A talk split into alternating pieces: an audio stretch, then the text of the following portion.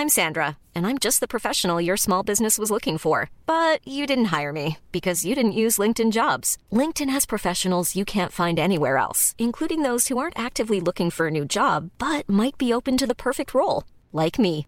In a given month, over 70% of LinkedIn users don't visit other leading job sites. So if you're not looking on LinkedIn, you'll miss out on great candidates like Sandra. Start hiring professionals like a professional. Post your free job on linkedin.com/people today. Hey, folks, I'm Mark Marin from the WTF Podcast, and this episode is brought to you by Kleenex Ultra Soft Tissues, your ally to help tackle your allergy symptoms this season. I love the change of seasons, but nobody loves pollen and all those other things floating in the air that make you sneeze during this nice weather. Kleenex Ultra Soft Tissues are hypoallergenic and allergist approved, so fight back against watery eyes and runny noses without worrying about irritating your skin. For this allergy season, grab Kleenex and face allergies head on.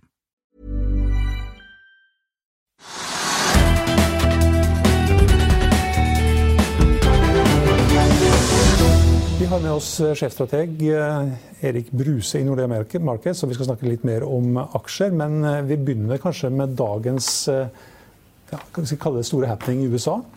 Det skal undertegnes en fase 1-avtale. Men børsene de har reagert Jeg vet ikke om det er det de har reagert på, men i hvert fall i Asia i dag så var det nedgang. Ja, men den avtalen her den er vel utrolig godt annonsert. Både Kina og USA har vært glassklare på at den kommer. USA kom med denne meldingen om at uh, de ikke lenger ser på Kina som en valutamanipulator rett før. Alt eh, alt tyder på at avtalen kommer, så det har ikke vært noen tvil om den. Og ofte er det vel sånn at man ser litt sånn Folk tar profitt når, når begivenheten kommer, så, så, at det ikke skulle ha noe effekt, eller, det, det, var vel ikke uventet. Men Noen hadde kanskje regna med at det også kom noen endringer i tollsatsene, men der har det lekka noe informasjon om at tollsatsene blir liggende til tross for at det da tegnes en avtale. Er det ja, det, det, som sender børsene litt ned? Eller? Det kan også bli tatt som et uh, negativt signal. Men jeg, jeg, tror vel det lå har jo vært kjent hele tiden at uh, man reduserte noen tallsatser, man innførte ikke de nye. Og at det ikke skal skje noe nytt før valget, det, jeg, jeg, tror ikke det er stor overraskelse, det heller. Så jeg har litt vanskelig for å se at det skal være grunnen. Mm, så det skaper ikke noe usikkerhet? og sånn, Det er mer sånn sier, kanskje? Ja.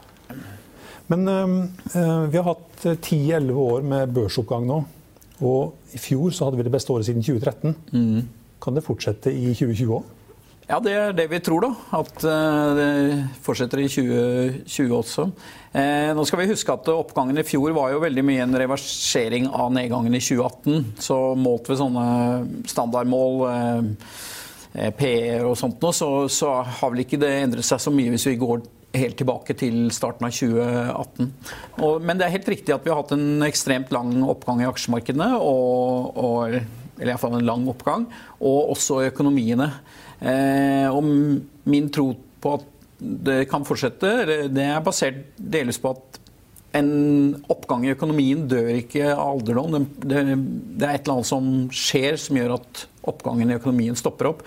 Eh, ofte er det at det er høyt lønns- og prispress, og så setter sentralbanken opp rentene mye.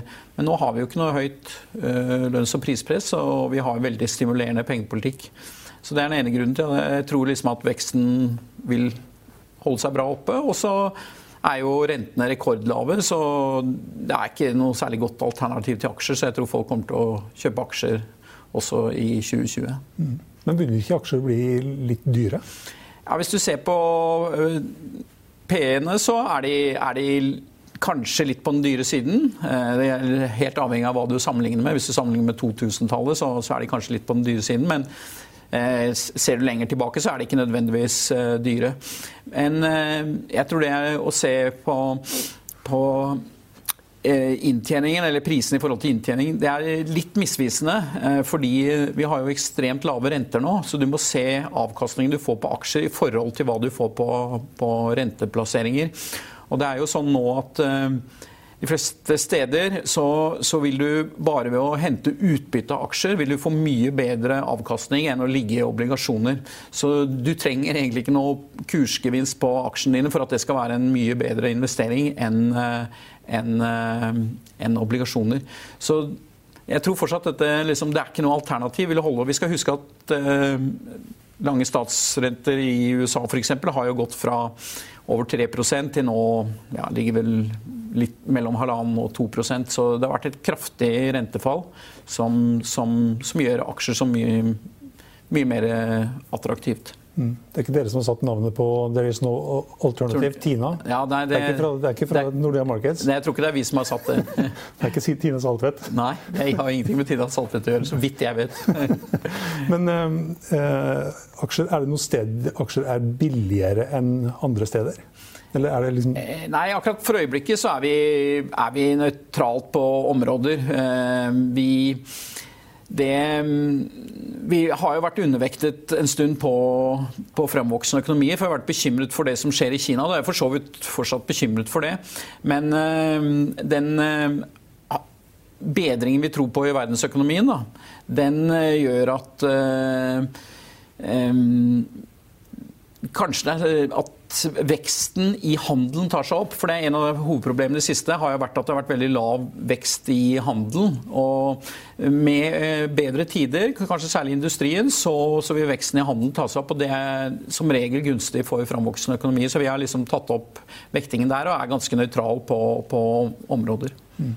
Er det ok å være i Norge, eller bør man se utenfor Norge? Eh, Norge er jo veldig spesielt, eh, med en helt spesiell sammensetning på, på børsene. Eh, mye sjømat, olje, service. Eh, så, så vi, man bør være litt forsiktig med det, men vi, vi, har eh, tro på at Norge kan greie seg sånn rimelig i tråd med, med resten av markedet. Mens i fjor var jo et dårlig år for Oslo Børs relativt til andre områder.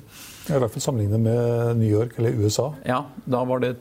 Selv om det var, var 16,5 oppgang på Oslo Børs? Så var det vel halvparten av eh, nesten av USA. Så, og det er jo veldig mye drevet av teknologiaksjer, og jeg er kanskje litt eh, i retning av at eh, Altså USA var veldig drevet av det.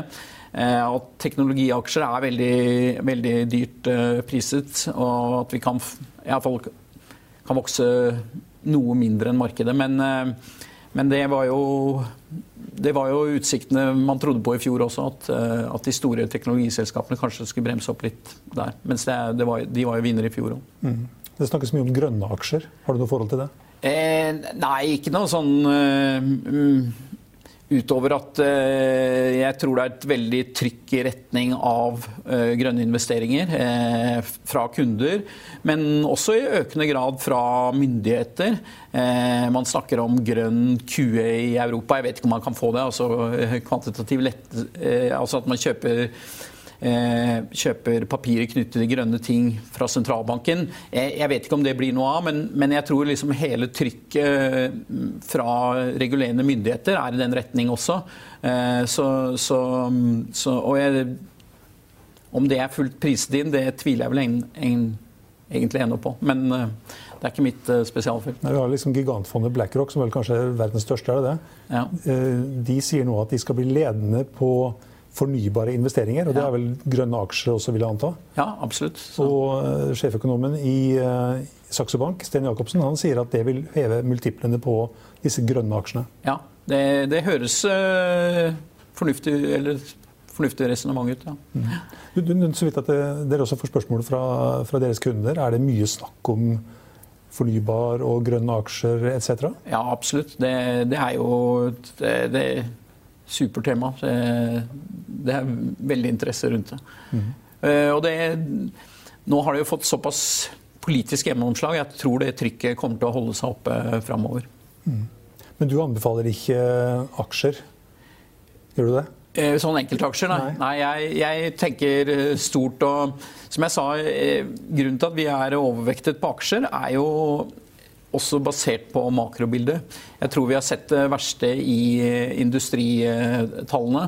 Eh, jeg tror, tror det er god grunn til å tro at liksom, økonomiene nå begynner å vokse litt bedre. For det har jo vært et eh, Fjoråret var jo bra aksjeår på tross av svak vekst, på tross av svak inntjening. Eh, på tross av mye støy om, om, om handelskrigen. Nå ser det ut som noe av usikkerheten som har tynget bedriftene særlig, er redusert iallfall, med bedre mulighet for løsninger på brexit.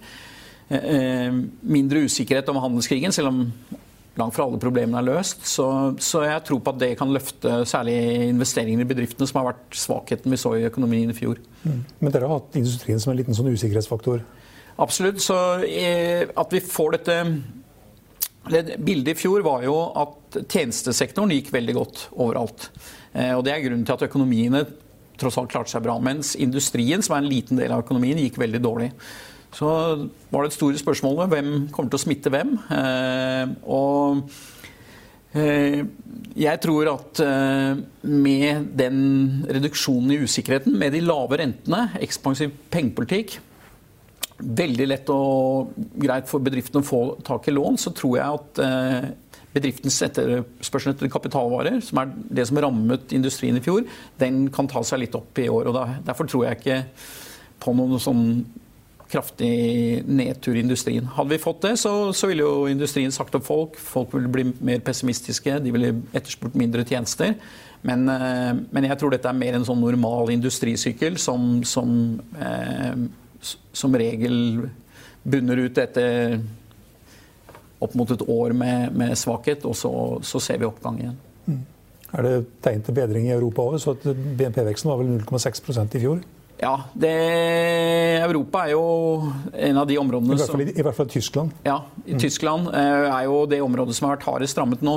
er det litt misvisende, eller ja, det er jo riktig, da, men veldig mye av det vi har sett i Tyskland, er jo eh, fall i bilproduksjonen. Så tysk bilproduksjon av biler i Tyskland har eh, blitt spesielt hardt rammet eh, av den globale svakheten med å sette biletterspørsel, men sammenlignet med Frankrike så er jo bildet et helt annet.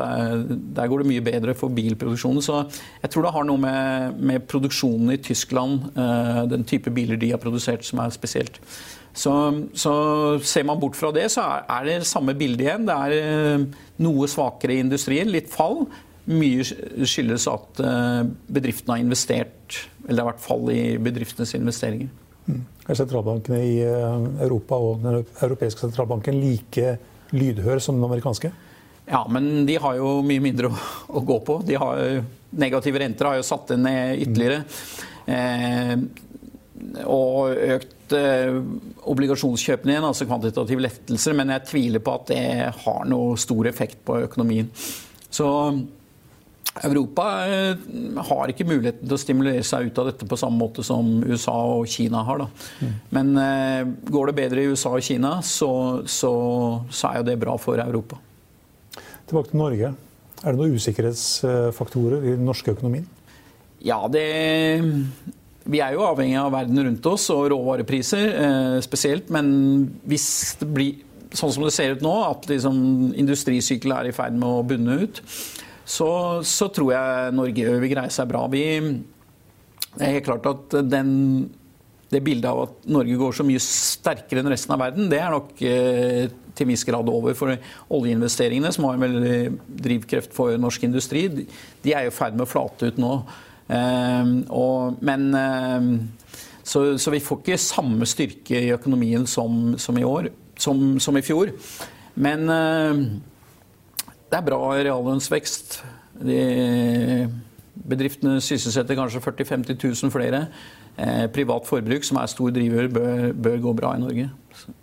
Men eh, for Norge så er liksom største usikkerheten som vanlig oljepris og, og råvarepriser generelt. Eh, så er, hvis verden rundt oss blir så svak at oljeprisen faller mye, eller det skjer et eller annet som, som rammer oljeprisen, så, så det er vel den største usikkerheten for Norge.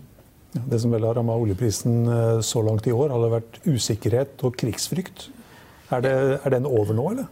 Ja, det tror jeg nok eh, i stor grad. Eh, det ser jo ut som Irans svar var ganske begrenset. Nå vet vi ikke om det kan komme mer.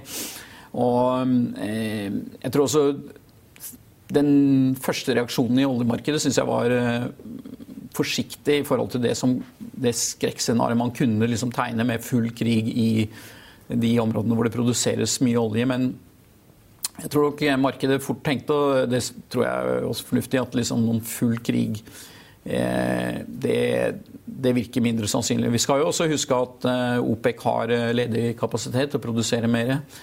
Vi skal også huske at amerikansk olje reagerer som regel ganske raskt på prisøkninger. sånn at hvis, hvis, vi hadde fått en konflikt som virkelig stoppet oljeproduksjonen, så, så, så har man reserver eh, i markedet. Mm. Dere har en løsning for de som er redd for eh, krig òg. Hva skal man gjøre hvis man er redd for krig? Nei, da er det, Når det gjelder å plassere penger, tenker jeg på? Da er det vel å gå i de, den type aksjer som, som tjener på krig. Eh, våpen osv. Det går bra når det er krig? Det er, liksom, det er ikke Nei, det er vel eh, Nå kommer det jo helt an på hva slags krig man snakker om. Hvis vi snakker om en krig i Midtøsten, så, så tror jeg det, da er det vel olje- og energiakser som er det som er bra. Men hvis vi snakker ikke cash, altså? Hæ? Det er ikke cash og gull, altså? Cash og gull er også selvfølgelig hvis, hvis man tror at dette har stor uh, geopolitisk konsekvenser, så, så, så, kan jo det være ting. Mm. Men uh, aktualiteten og risikoen for det er ikke veldig stor akkurat nå, kanskje? Eller det er noen som sier at det, dette kan fort komme tilbake? Eh, ja, men eh, jeg har ikke tro på at den jeg har ikke tro på at konflikten i Midtøsten i seg selv er nok til å, å flytte markedene mye framover. Jeg er mer bekymret for, eh, for, det som skjer mellom USA og Kina på, på litt lengre sikt. Det kan ha helt andre og uoversiktlige konsekvenser. Mm. Har sjefstrategen Erik Bruse gjort noe grep på nyåret? Eh, nei da, jeg, jeg, har eh, litt aksjer, ja. Du har litt aksjer? Ja, så jeg tror på meg selv. Norske, norske, norske aksjer? Jeg har litt norske aksjer òg. Jeg har ikke mye, men litt. Ja. Kan jeg spørre, Er det noen sektorer som er uh, Nei, altså jeg, eh, jeg, kommer, jeg har jo makrobakgrunn. Jeg følger ikke enkeltselskaper godt nok til å ha noe, noe mm. synspunkt. Så jeg Det er store, tunge, kjedelige aksjer? ja, så jeg følger Jeg kjøper stort sett fond. Og uh, det var vel et poeng Robert Ness oss hadde, og at du skal vite hva du gjør hvis du skal gå tungt inn i enkeltaksjer. fordi. Hvis du ser på siste tiåret, så har omtrent halvparten av, uh, norske aksjer gitt deg tap. Så, så lenge du ikke tror du har god greie på hvilke selskaper du skal gå i, så, så er en bred, en diversifisert portefølje det mest fornuftig. Mm. Så du går ikke inn i sjømataksjer 100 eh, Nei, det gjør jeg ikke. Nei. De er vel ganske høyst priset nå også, så Ja, det er vel kanskje det. Ja, i hvert fall, som vi var inne på her i sted, var tre aksjer som var i all time high. så... Ja. Det betyr at de har aldri vært høyere. Nettopp.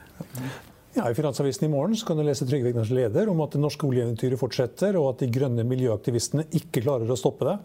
Og Du kan også lese om et toppår i leiemarkedet. Det var det vi hadde for i dag, men vi er tilbake igjen i morgen klokken 15.30. Følg med oss igjen da.